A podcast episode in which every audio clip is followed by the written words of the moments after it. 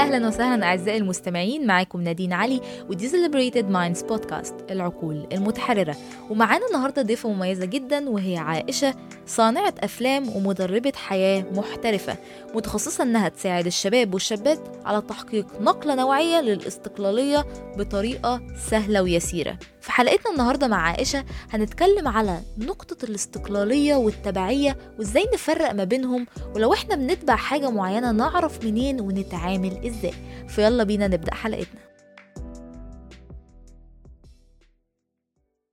إزيك يا عائشة؟ الحمد لله تمام.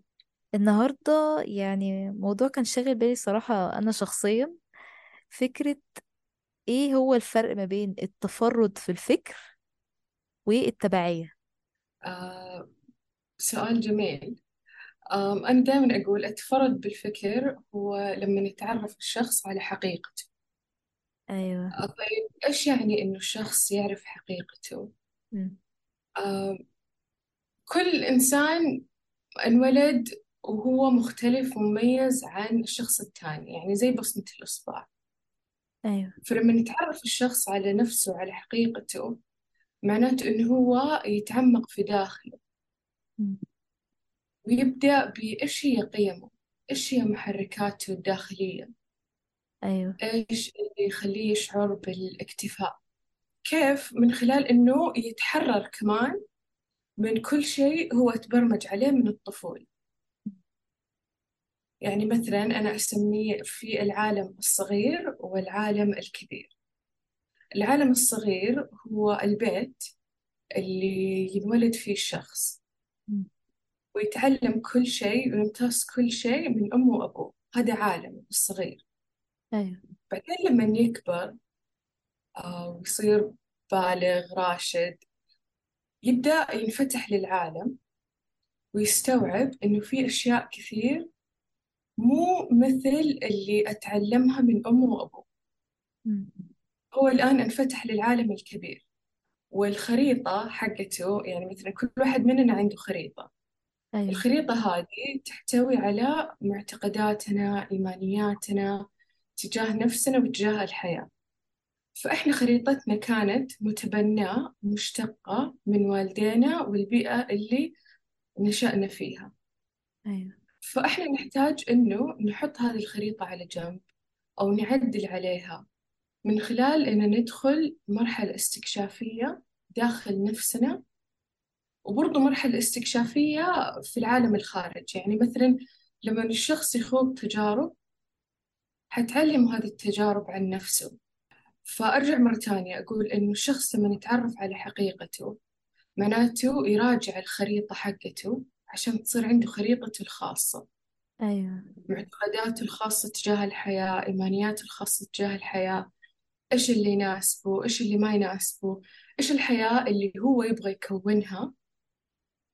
وناتجة هذه الرغبة من داخله. بدل ما تكون إنه آه الشخص الفلاني قال لي أسوي هذا الشيء أنا بسويه. آه المجتمع اللي حولي مثلا آه يؤيد هذه الفكرة فأنا راح أؤيدها. بس عشان أحس إني أنتمي للمجموعة. أيوه. فالشخص لما يكون تابع أحيانا ما يماشي كثير من صوته الداخلي ما يماشي كثير من المعتقدات اللي خاصة فيه بس عشان يتبع المجموعة عشان يحس إنه هو ينتمي أو يحس بالأمان. لكن. التفرد بالفكر إنه هو الشخص يتعرف على نفسه ويتحرر من الأشياء اللي ما هي تبعه ما هي حقته. فهذه هي التفرد بالفكر والتبعية. كيف الشخص يعرف إنه هو من جد متفرد بالفكر إنه هو أيوه. من جد يعرف حقيقته. الدلالة هي لما يعرف يميز بين مشاعره ومشاعر الآخرين. حلو قوي ويعرف يميز بين أفكاره وأفكار الآخرين. أيوه. ولما يوصل لهذه المرحلة يعرف رسالته أو غايته. مم. يعني أنا إيش أبغى أسوي في حياتي؟ في آخر يوم في حياتي أو لما أصير ثمانين تسعين أبغى أطالع الورا الورا وأشوف أنا إيش حققت؟ هل حققت الشيء اللي أنا أبغاه ولا لا. فهذه الأشياء اللي آه تخلي الشخص يعرف هل هو تفرد بالفكر أو لا. هي البوينت اللي انتي قلتي عليها دي صراحة يعني حلوة قوي فكرة إن شخص يعرف يفصل ما بين مشاعره ومشاعر الآخرين. يعني ساعات كده بلاحظ إن بعض الناس آم، لما حد بيحس غضب أو خوف تلاقي هو الشخص كمان كأنه امتص من الشخص التاني برضو الغضب والخوف. بالضبط. أو مثلا تلاقيها كثير في الأشخاص اللي يكونوا في علاقة. ومو أيوه بس هم يمتصوا ولكن يسقطوا مشاعرهم على الشخص الثاني. يعني أيوه. مثلا لما يكونوا آه زعلانين خلاص يفترضوا إن الشخص الثاني كمان زعلان ما يعرفوا يفرقوا. أو مثلا لما يكون الشخص آه برضو معصب ممكن يبدأ يفرغ مشاعره في الشخص الثاني أو يلومه. ما أعرف يفرق إنه هذا الغضب حقي ناتج من تجربتي أنا من الإشيو حقتي أنا. فما في هذا الفاصل اللي يخلي الشخص يعرف يفرق. كنت سمعتك بتقولي إنه آه اللي بيخلي إنسان عنده حتة التبعية دي هو إن يبقى عنده الإحساس الانتماء. فهل صحيح. في حاجات تانية غير إحساس الانتماء اللي بتخلي البني آدم عايش في حالة التبعية دي؟ آه ممكن الشعور بالعار. الشعور بالعار صح كده؟ العار. أيوة أيوه العار شيء أيوه. شيء يعني الشخص آه لما يكون مختلف آه ممكن المجموعة تشعر بالتهديد. يعني هذا الشخص المختلف بيغير أشياء إحنا مو متعودين عليها أو إحنا مو متقبلينها. لذلك يقولوا لهذا الشخص المختلف إنه يطلقوا عليه أحكام منبو يصير منبوذ عشان هو بيتحدى مثلا البرمجيات. فالشخص هذا يبدأ يشعر بالعار. أنا خطأ أنا مو كفاية أنا مو كويس اختلافي مو مقبول. مثلا خاصة لما يجي شخص مثلا آه، يبدأ يصير متفتح. يعني مثلا لو أنا لما دخلت مجال الوعي مثلا أيوه. وبدأت أتعلم عن الطاقة والفيزياء الكمية لما كنت أشاركها مع أشخاص في بيئتي كانوا يقولوا إيش هذا الكلام الفاضي؟ إيش هذا الشعوذة هذه الأشياء ضد الدين فما كان في قبول للأفكار الجديدة. أيوه. فصرت مثلا أخاف إني أشاركهم صرت أشعر بالعار إنه مثلا يا الله لا يكون هذه الأشياء اللي بتعلمها خطأ. طبعا ألين ما وصلت مرحلة إني أنا أتقبل نفسي وإنه ما عاد صار يأثر فيني هم إيش يفكروا. بس أيوه. مثلا هذا مثال للعار.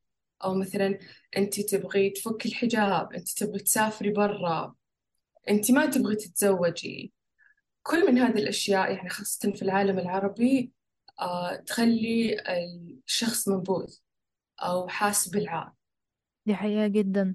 و since إن انتي برضو reflected على ال experience بتاعتك أو ال- اللي انتي بتقولي لما دخلتي مجال الوعي وكده هو فعلا الواحد أنا شخصيا برضو آه، لما ابتديت أتعمق في ال self development والكلام ده كله ساعات الواحد بيحس اللي هو كأنه معزول شوية. فلو مش معاه أدوات معينة عشان يتعامل مع المشاعر دي أو أو كده أعتقد ممكن يضعف ويتبع الآخرين عشان يحس بقى الأحاسيس دي كلها أو يتجنب مثلا الشعور بالعار أو الكلام ده كله. أكيد مية بالمية.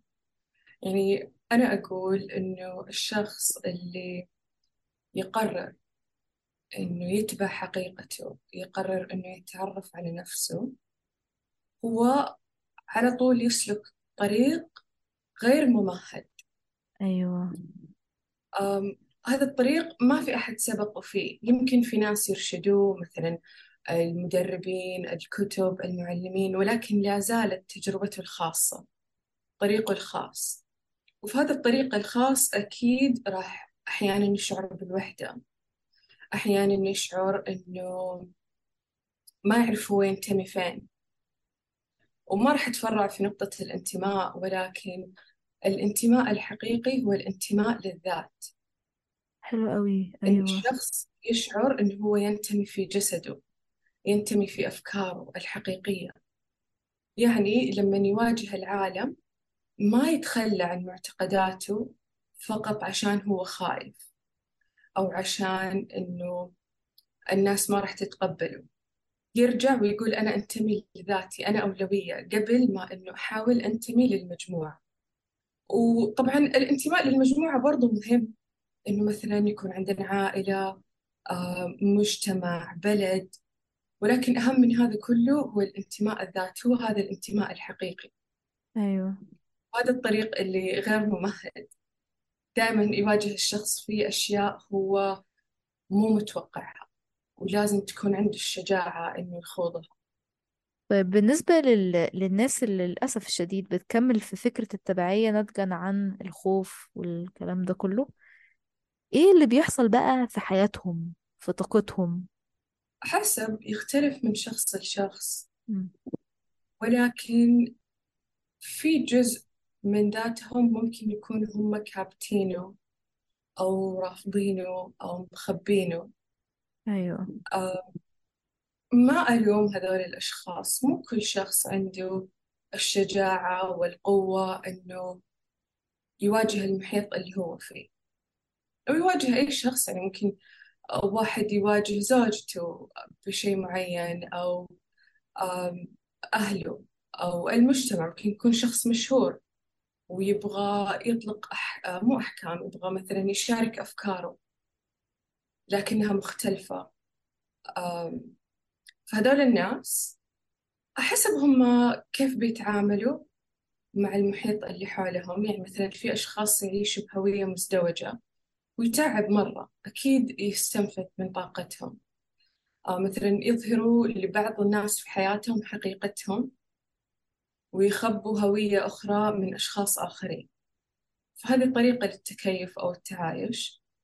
ولكن آه مجرد إنهم هم يفقدوا جزء من هويتهم أو يخبوه أكيد إنه تهلك طاقتهم أو إنهم ما يحسوا بالإكتفاء التام.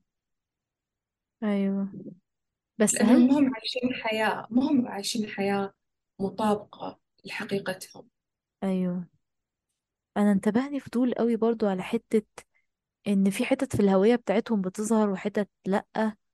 طب مش ساعات في بعض البيئات الإنسان بيضطر يظهر حتة معينة في الهوية بتاعته؟ يعني مثلا لو حد بيشتغل في شركة أو في حاجة زي كده بيلعب دور مثلا في الشركة غير ال... أو بيلعب هوية في الشركة دي لأن الهوية التانية مثلا مش مناسبة أوي إنها تظهر وبيلعب هوية تانية مثلا في البيت مش بيلعبها بقى بيبقى مثلا على طبيعته أكتر. هل ده برضو بيندرج تحت فكرة إن الشخص ده بيبقى تابع لحاجة معينة؟ آه لا مو شرط في فرق. مم. يعني كلنا نلعب أدوار مختلفة. أيوه. مثلا أنا ألعب دور الإبنة آه ألعب دور الزوجة ألعب دور الصديقة الكوتش فهذه أدوار مختلفة. أيوه. وعادي إنه وعادي آه إن إحنا نلعب هذه الأدوار.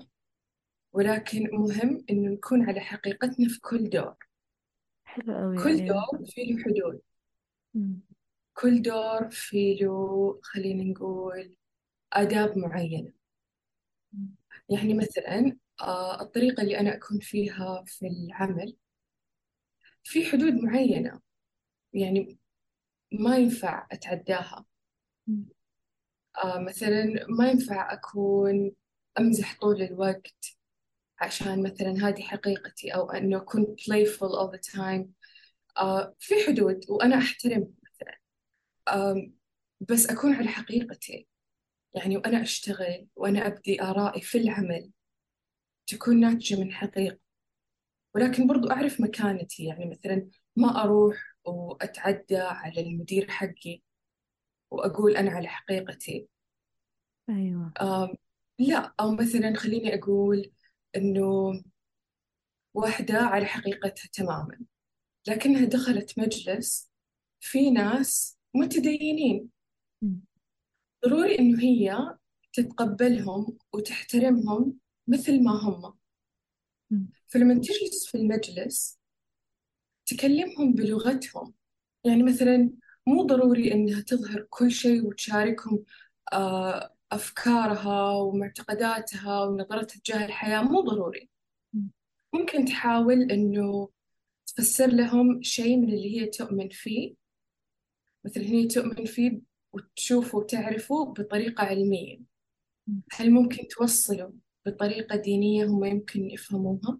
مثلا هل في حديث آه يتكلم عن نفس النقطة اللي هي تبغى تشرحها؟ فلكل مكان آه احترامه ولكن مهم إنه الشخص يكون على حقيقته. يعني يكلم الناس بلغتهم ويحاول يفهمهم وهنا يجي الذكاء العاطفي والذكاء الاجتماعي. أيوة. ولكن مو ضروري إنه يخفي حقيقته ومو ضروري إنه يظهر كل حقيقته. في بعض الناس تحسب إذا أنا بظهر على حقيقتي معناته لازم أوري الناس كل شيء أنا أؤمن فيه. وأظهر كل حاجة وأعبر عن كل أيوة مو دي شرط. مشهورة قوي على ال social media اللي هو be yourself آه، طب ما إيه أبعاد ده بقى؟ أكيد لها أبعاد يعني be yourself لكن مو لازم تظهر كل حاجة. مو ضروري الناس كلها تعرف كل شيء عنك. مو شرط يعني مثلا أختي مثلا ما تعرف بعض الأشياء اللي مثلا في زواجي. أمي مو ضروري تعرف كل شيء عن علاقتي أو عن ممارساتي الدينية. مو شرط. خلاص تشوف الظاهر أو جزء من حقيقتي والباقي أنا بحتفظ فيه لنفسي. أيوة. فهذا اللي أنا أؤمن فيه.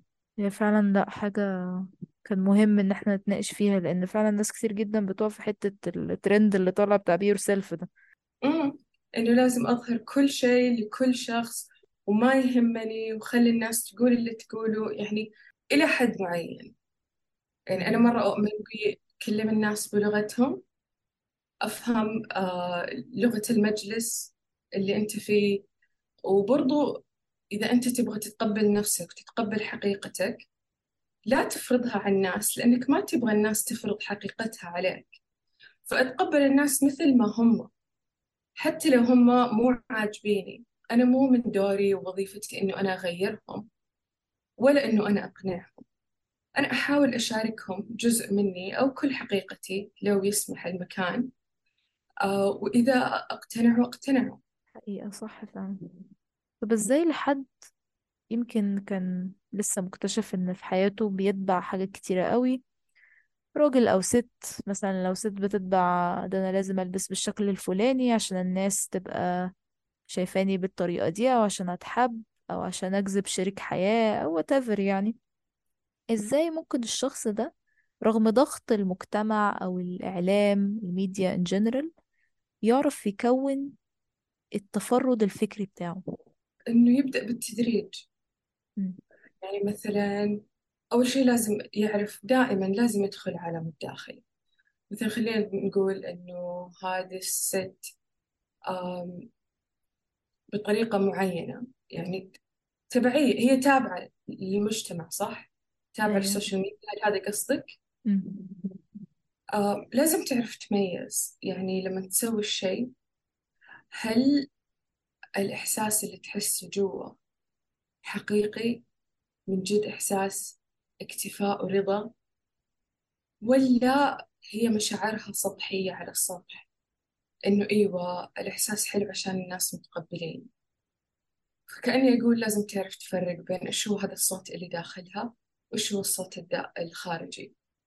وبالتدرج يعني خلينا نقول إنه لقت إنه صوتها الداخلي يقول لها شيء معين مختلف عن السوشيال ميديا وعن كل هذه الأشياء لكنها مرة خايفة إنها تظهر اختلافها. فتتدرج يعني أول شيء هي لازم تتقبل هذا الشيء عن نفسها وتحب نفسها وترضى عن اختلافها. بعدين تتدرج. يعني مثلا خلينا نقول في واحدة تبغى تتوظف وظيفة معينة. مثلا في القرية أو المجتمع اللي هي فيه مو مسموح لها مو مسموح أصلا للمرأة إنها تتوظف. فهي تبدأ تتدرج كيف؟ مثلا تكلم أهلها في الموضوع تلاقي رفض شديد منهم تقوم تشوف مثلا إيش اللي في داخلها. لسه هي حاسة بالخوف فيه أو المعتقدات اللي داخلها وتشتغل على نفسها. بعدين تكلمهم مرة ثانية. يعني ما تستسلم. تشوف إنه كل هذه كل هذه المعيقات الخارجية آه، تتطلب منها إنها تشتغل على شيء بداخلها. أو إنها فقط تكو- تكون الشجاعة إنها تتخطى هذا الحاجز. مثلا تبدأ تشتغل آه، خلال آه، عبر النت بعدين ممكن تقدم على وظائف حتى لو هم ما يعرفوا آه، وبعدين لما تجيب قبول تروح تشاركهم إن هي انقبلت. فتاخذها حبة حبة مرحلة مرحلة ألين ما هي تحس إنها مرتاحة. في بعض الناس ما يحبوا هذه الطريقة في بعض الناس يحبوا إنه أنا حأروح أدور الوظيفة اللي أبغاها وأجيب القبول وأحطهم قدام الأمر الواقع وأسوي اللي أنا أبغاه في كل الأحوال. حيرفضوا حيقاوموا حيكون صعب في البداية لكن مع الوقت هم حيتقبلوا. في أيوة هذه الطريقة كمان.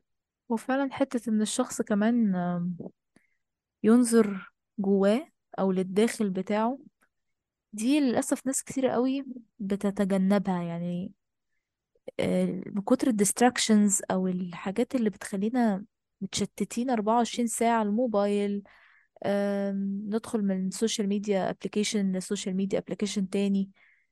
كأن العوامل الخارجية دي كلها بتبعد البني آدم أو الإنسان عن إنه يرجع يبص جوه. أيوة مية بالمية. آه عشان الشخص يسمع صوته ويتعمق داخله يتطلب جهد يتطلب إنه هو من جد يكون عنده انضباط. إنه يحدد وقت معين هو خلاص ما يدخل فيه على السوشيال ميديا. أو على الأقل مو من أول ما يصحى يدخل على السوشيال ميديا. دي كارثة الموضوع ده لما حد أول ما يصحى من النوم يمسك الموبايل. أيوة مرة متعب. آه على طول يكون في stimulation يعني تحفيز دائما تحفيز للحواس الخمسة. أيوة. آه وهذا التحفيز يخلينا متصلين بالخارج. ما يرجعنا للداخل. فعشان الشخص يرجع للداخل يفصل نفسه عن المحفزات الخارجية. حواسه كلها لازم تنفصل. عشان كذا التأمل مرة يساعد. دائما كل الناس تقول تأمل لأنه مجرد ما الشخص يغمض عينه ويقعد في مكان هادي حواسه كلها ما هي متصلة بأي محفزات خارجية. أيوة. يعني أول شيء أول ما يغمض الشخص عينه ويقعد عقله حيبدأ بالأفكار أفكار أفكار. يقعد مع هذه الأفكار؟ فكتير من الناس ما تبغى تسمع هذه الأفكار. يا لأنها سلبية يا لأنها تخوف يا لأن شعورها غير مريح. لكن يتطلب وقت لين ما الشخص يبدأ يرتاح مع أفكاره يبدأ يتصالح مع نفسه. يعني عشان كذا سموه العمل الداخلي inner work. It is work. دي حقيقة يا إن لهوي. الشخص يا يعني في مقولة قرأتها آه، مرة عجبتني دائما أتذكرها إنه إذا عندك قائمة to do list مرة كثير إذا اليوم عندك أشياء مرة كثير تسويها معناته لازم تتأمل أكثر. لأن التأمل آه، هو اللي حيخليك تنجز كل هذه الأشياء هو اللي حيهدي عقلك. لكن لما تقول أنا ما عندي وقت أتأمل أنا لازم أخلص كل هذه الأشياء. فأنت مرة راح يعني الشخص مرة راح يستنفذ ويستهلك كمية طاقة عالية لأنه عقله مو بس شغال إنه هو ينجز هذه الأشياء عقله شغال في القلق إنه أنا لازم أنجز كل هذه الأشياء. فتلاقي في يعني يسموها في in the back of the mind في burner وفي work that's going on في طاقة بتستهلك.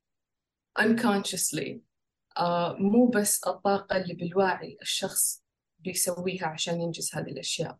عشان كده و ناس كتير قوي أعتقد طاقتها يقولك أنا مش قادر ما عنديش الحافزية. كنت تكون طاقته كلها راحت على الأفكار وهو مش حاسس على ما أظن. مية بالمية لا أكيد.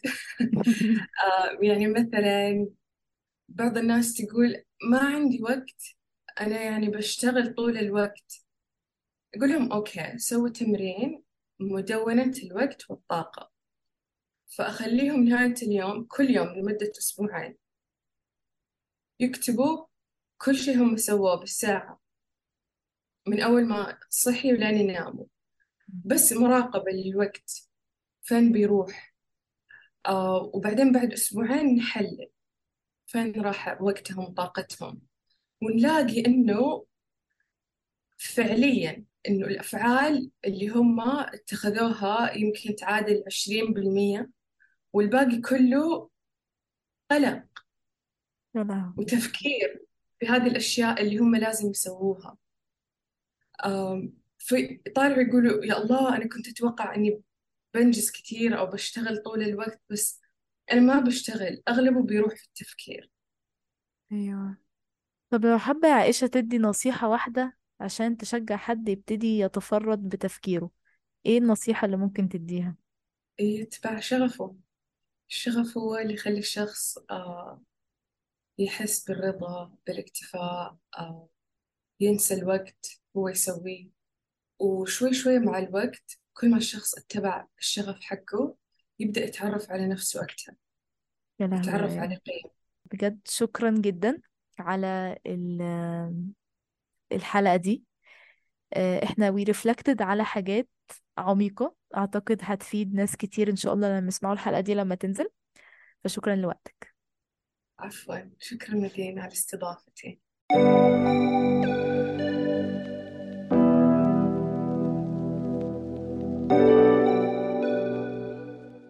وبكده وصلنا لنهاية الحلقة بتاعتنا. أتمنى كانت تكون مفيدة ليكم. ما تنسوش تعملوا rating لل podcast عشان نوصل لأكبر عدد من الناس ولو عندكم أي مواضيع عايزين نتكلم فيها اكتبوها في ال comment section تحت. وأشوفكم المرة الجاية في موضوع جديد. bye bye